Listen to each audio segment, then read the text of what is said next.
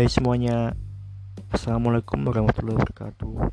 Perkenalkan, namaku Ezra Dewangga Prasaja Putra Mahasiswa Ilmu Komunikasi Universitas Muhammadiyah Surakarta Pada podcast, podcast ini, aku mau menjelaskan tentang manajemen media televisi Yang aku review dari buku manajemen media massa Yang ditulis oleh dosen saya sendiri Pengantar penyiaran yaitu Bapak Fajar Junaidi by the way bukunya bagus mungkin teman-teman yang berminat tentang kuliah penyiaran bisa membaca bukunya Bapak Fajar Junaidi jadi langsung aja perkembangan media penyiaran di Indonesia saat ini sangatlah berkembang maju, sangatlah pesat.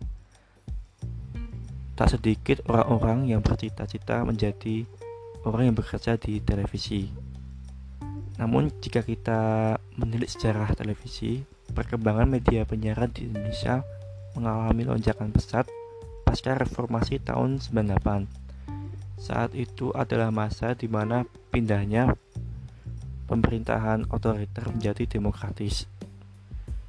Sebenarnya sejak masa-masa akhir kekuasaan Orde Baru, pemerintah yang berkuasa saat itu mulai membuka kesempatan bagi swasta untuk bersiaran.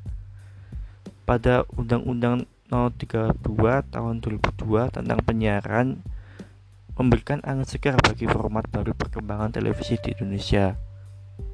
RCTI menjadi stasiun televisi swasta pertama yang mengudara pada tahun 1989.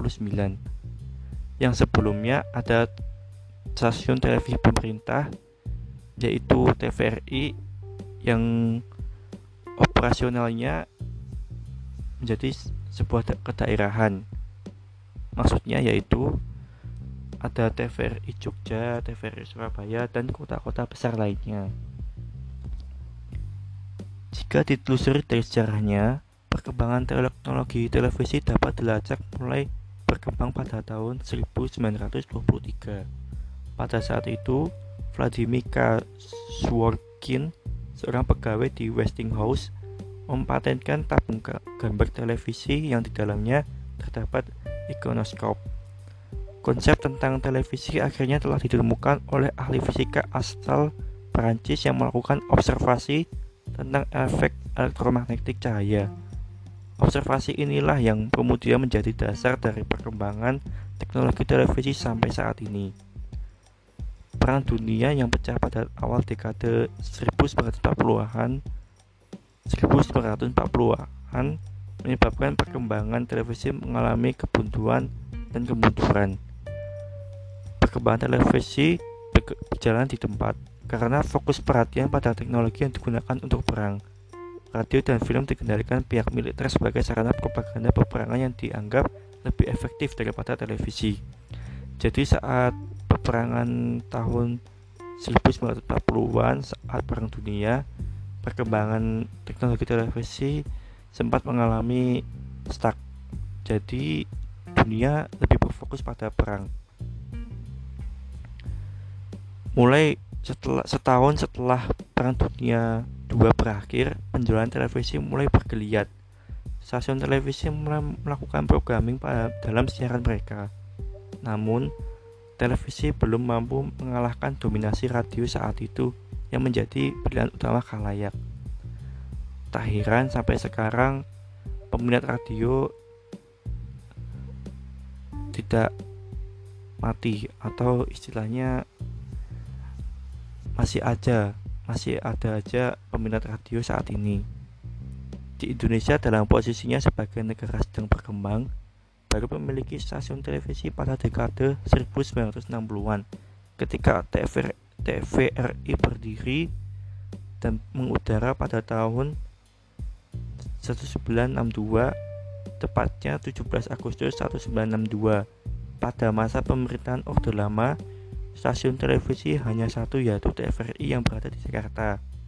Pada masa pemerintahan Orde Baru stasiun televisi dibangun di daerah dalam bentuk TVRI daerah. Yang seperti saya sebutkan tadi yaitu ada Yogyakarta, Surabaya, Malang dan kota-kota lainnya. Iklan di TVRI mulai muncul pada tahun 1963 di dengan ketentuan tidak boleh lebih dari 15% dari keseluruhan jam tayang. Siaran TVRI yang dulunya hitam putih seperti semut-semut berkembang menjadi siaran berwarna. Dari sisi bisnis, perkembangan dunia pertelevisian di Indonesia telah mendatangkan iklan dalam jumlah besar menurut AGP Nielsen Media Research Indonesia. Bayangkan saja teman-teman, pada tahun 2004 saja dari iklan mendapatkan keuntungan 15 triliun 79 miliar juta rupiah.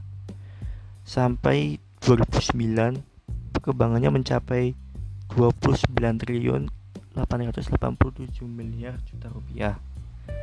Penerapan teknologi digital dalam ranah penyiaran televisi di Indonesia kini sudah di depan mata. Era televisi digital akan tambah menambah kecanggihan layar televisi dengan sajian program yang semakin beragam. Televisi akan menjadi magnet bagi khalayak yang memiliki daya tarik yang kuat. Stasiun televisi dipimpin oleh manajer disebut oleh manajer umum general manager. Tugas dari pemimpinan tertinggi dalam manajemen di stasiun televisi meliputi beberapa tugas. Yang pertama yaitu manajemen harus mengkoordinasi berbagai program acara yang ada di stasiun televisi tersebut. Tugas dari pimpinan tertinggi dalam manajemen di stasiun televisi meliputi beberapa tugas. Yang pertama, manajemen harus mengkoordinasi berbagai program yang ada di stasiun televisi tersebut. Sebaliknya, manajemen juga harus segera mengetahui program acara yang kualitasnya bagus sehingga dapat segera memerintahkan bagian promosi program untuk menjual program tersebut secara intens. Kedua, manajemen harus dapat mengarahkan program acara yang ditayangkan adalah program acara yang dibantu oleh pemasang iklan jadi tugasnya manajemen ini kita harus mengarahkan program acara yang sedang diminati oleh pendonor dana dari iklan. Ketiga, manajemen harus mampu memberikan arahan kepada seluruh karyawan agar mampu melakukan kerjasama antar beberapa divisi yang ada. Jadi antar divisi yang ada kita bekerja sama itu diatur oleh manajemen setiap stasiun televisi memiliki program acara yang banyak. Untuk mencukupi kebutuhan program acara TV, stasiun televisi dapat melakukan beragam cara. Cara pertama adalah dengan memproduksi acara sendiri. Program acara yang dibuat sendiri di stasiun televisi Indonesia di antaranya adalah berita talk show, feature, komedi olahraga, masak-masakan, atau variety show. Cara kedua yang dilakukan oleh stasiun televisi untuk mendapatkan program acara yang dapat disuguhkan pada khalayak adalah dengan membeli dari pihak lain. Beberapa jenis program yang acara yang dibeli dari pihak eksternal yaitu seperti penayangan sepak bola, sinetron, film, infotainment atau reality show dari luar negeri. Jadi seperti itu. Jadi Sekian teman-teman podcast saya pada kesempatan kali ini. Jadi manajemen teknologi komunikasi, komunikasi pada bagian televisi sangatlah pesat di Indonesia. Jadi tak heran banyak orang-orang setiap rumah memiliki satu televisi untuk mendapatkan berita informasi dari dunia luar. Tapi seiring perkembangannya zaman, televisi mulai tersingkirkan oleh adanya gadget. Gadget. Jadi lebih mudah orang bisa melihat informasi atau video dari mana pun melalui gadget tanpa menghidupkan televisi di rumah. Tapi keuntungannya dari TV waktu kita melihat TV itu sepertinya lebih nyaman karena lebih luas. Jadi cuma itu teman teman-teman maaf jika saya menyampaikan podcast ini masih terbata-bata.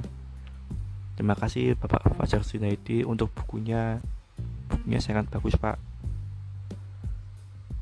Sekian, wassalamualaikum warahmatullahi wabarakatuh.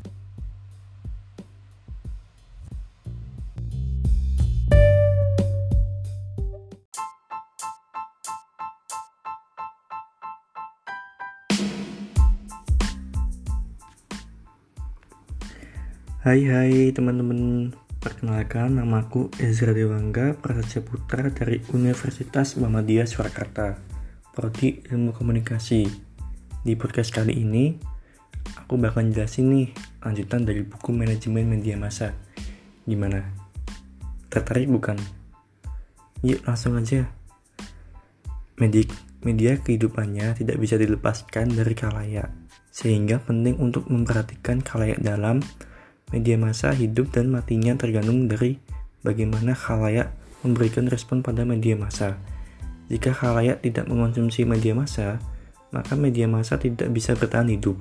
Sebaliknya, jika media massa semakin banyak dikonsumsi oleh khalayak, maka media massa akan mendapatkan keuntungan dari khalayak. Jadi sistemnya, khalayak dan media massa hubungannya saling timbal balik, saling menguntungkan. Jika yang satunya jatuh satunya juga ikut jatuh. Jika satunya naik satunya juga naik.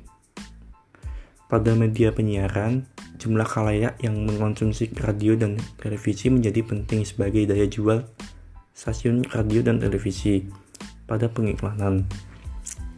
Para pengiklan akan memilih program acara radio dan televisi yang memiliki rating yang tinggi. Rating memperlihatkan jumlah kuantitas kalayak yang mengonsumsi program acara di radio dan televisi. Prinsip segmentasi, targeting, dan positioning adalah tiga kunci mendasar dalam pengelolaan manajemen media secara profesional. Menurut Kotler, ada tiga tahap dalam analisis kalayak yaitu segmentasi, targeting, dan positioning. Segmentasi kalayak merupakan suatu strategi untuk memahami struktur kalayak Targeting bisa diartikan sebagai target kalayak, yaitu persoalan bagaimana memilih, menyeleksi, dan menjangkau kalayak. Setelah kalayak dipilih, selanjutnya adalah bagaimana melakukan positioning, yaitu bagaimana strategi untuk memasuki otak konsumen. Yang pertama, saya akan menjelaskan apa itu segmentasi. Segmentasi bisa dilakukan dengan beberapa dasar. Yang pertama yaitu segmentasi berdasarkan geografis, yang kedua segmentasi geografis, yang ketiga segmentasi berdasarkan status ekonomi dan sosial, yang keempat segmentasi perilaku. Pada contohnya, yaitu pada perkembangan Jawa Pos, kembali melakukan inovasi dengan mengalokasikan suplemen yang disebut deteksi. Suplemen yang berisi polling untuk remaja ini dibuat tentu saja untuk membidik bangsa pasar remaja Jelas bahwa remaja adalah calon pembaca di masa depan, sehingga perlu untuk dibangun kesadaran mereknya brand awareness melalui rubik deteksi yang memenuhi kebutuhan remaja. Keberhasilan Jawa Pos dalam manajemen yang berkaitan dengan segmentasi ini menjadi contoh menarik bagi kajian manajemen media. Keberhasilan rubik deteksi di Jawa Pos memperlihatkan bahwa usia menjadi aspek penting dalam segmentasi ada beberapa pendapat tentang segmentasi berdasarkan usia. Untuk memudahkan, ada dua pendapat yang dipilih yaitu dari Biro Pusat Statistik atau BPS sebagai lembaga negara yang mengurusi kependudukan dan Nielsen dalam kapasitasnya sebagai lembaga survei kalayak terkemuka. Yang selanjutnya, targeting. Tahap targeting dilakukan setelah institusi atau perusahaan media melakukan pengidentifikasian beragam segmen. Untuk melakukan langkah ini, kamu harus berpikir secara realistis. Kamu harus mengevaluasi potensi dan daya tarik dari segi komersial pada masing-masing segmen yang telah dikelompokkan tadi. Dengan begitu, kamu bisa melihat kesesuaian antara sumber daya yang dimiliki dengan target segmen yang dinilai paling potensial membawa keuntungan bagi brand dan perusahaan. Dalam proses penentuan target, media dapat melakukan beberapa pilihan model targeting, yaitu yang pertama konsentrasi pada segmen tunggal, yang kedua spesialisasi secara selektif, yang ketiga spesialisasi produk, keempat spesialisasi market. Yang kelima, jangkauan semua pasar. Dalam contohnya, kompetisi Development Basketball League atau yang disebut DBL menyedot banyak perhatian pelajar SMA untuk mengikutinya dan sukses digelar di berbagai kota di Indonesia. Melalui DBL, Jawa Pos sukses membangun segmentasi di kalangan pelajar yang notabene akan menjadi pembaca Jawa Pos di masa depan.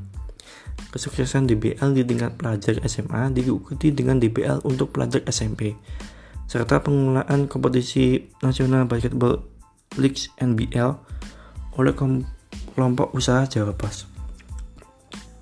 Yang ketiga ada positioning. Positioning dengan demikian dapat dimaknai memiliki tujuan untuk mengakuisisi, mengakuisisi satu kata yang menjadi ranking dari produk tertentu dalam pikiran kalayak. Untuk lebih jelas bagaimana positioning dilakukan dalam media, dapat dilihat pada tahap yang dilalui media dalam positioning yaitu satu Identifikasi target kalayak 2. Menciptakan perbedaan dengan media lain Yang ketiga, menciptakan keunggulan media Keberhasilan media melakukan positioning menjadi kunci dalam rangka menjangkau dan memenuhi kebutuhan kalayak pada media. Untuk itulah perusahaan media harus mengidentifikasi target kalayak secara tepat. Beberapa contoh pernyataan Positioning yang enak sekaligus menjadi tagline dalam perikanan eh, media adalah menjadi majalah Tempo dengan membuat tagline enak dibaca dan perlu. RCTI dengan pernyataan RCTI oke okay, dan Kompas TV dengan inspirasi Indonesia. Jadi untuk positioning ini teman-teman hmm, itu adalah cara media untuk berkreatif bagaimana cara kalayak bisa mengerti apa tagline yang disampaikan oleh perusahaan media. Yang keempat ada formatting. Formatting ini adalah format yang ditampilkan oleh perusahaan media saat akan disampaikan kepada khalayak. Jadi jadi formatting ini ada format berita, format talk format kartun, format berita yang dibungkus dengan komedi semacam itu dalam formatting ini sangatlah penting dalam perusahaan media karena kebanyakan untuk sekarang eh, dari satu stas dari satu stasiun televisi yang satu menyiarkan sinetron yang satunya ikut-ikut sinetron karena saat ini sinetron sangat melonjak tinggi sehingga mendapatkan rating yang bagus rating yang bagus akan membawa iklan, membawa komersial untuk perusahaan media. Yang kelima yaitu programming. Programming bisa dianggap sebagai perangkat ringan yang digunakan untuk menarik perhatian audiens pada segmentasi yang dituju. Kemampuan stasiun radio dan televisi menarik audiens untuk mengonsumsi program-programnya untuk menentukan kesuksesan stasiun radio dan televisi bersangkutan pada media televisi, programming semakin penting karena menjadi komoditas yang penting dan paling vital. Faktor yang mengaruhi programming bisa dibedakan menjadi dua, yaitu faktor internal dan eksternal. Yang, yang internal yaitu ada keuangan, pendapatan, standar penyiaran, manajemen tingkat atas. Untuk pengaruh eksternalnya yaitu ada stasiun kompetitor, sponsor, kelompok menekan, kritik, akademis, pemerintah, dan KPI. seperti itu teman-teman yang bisa saya sampaikan jadi untuk lanjutan media masa dari buku manajemen Bapak Fajar Sunaidi yaitu ada lima yaitu ada segmentasi targeting positioning formatting dan programming tiga dasar itu yaitu ada segmentasi targeting dan positioning Sekian teman-teman yang bisa saya sampaikan. Kurang lebihnya saya mohon maaf. Akhirul kalam. Wassalamualaikum warahmatullahi wabarakatuh.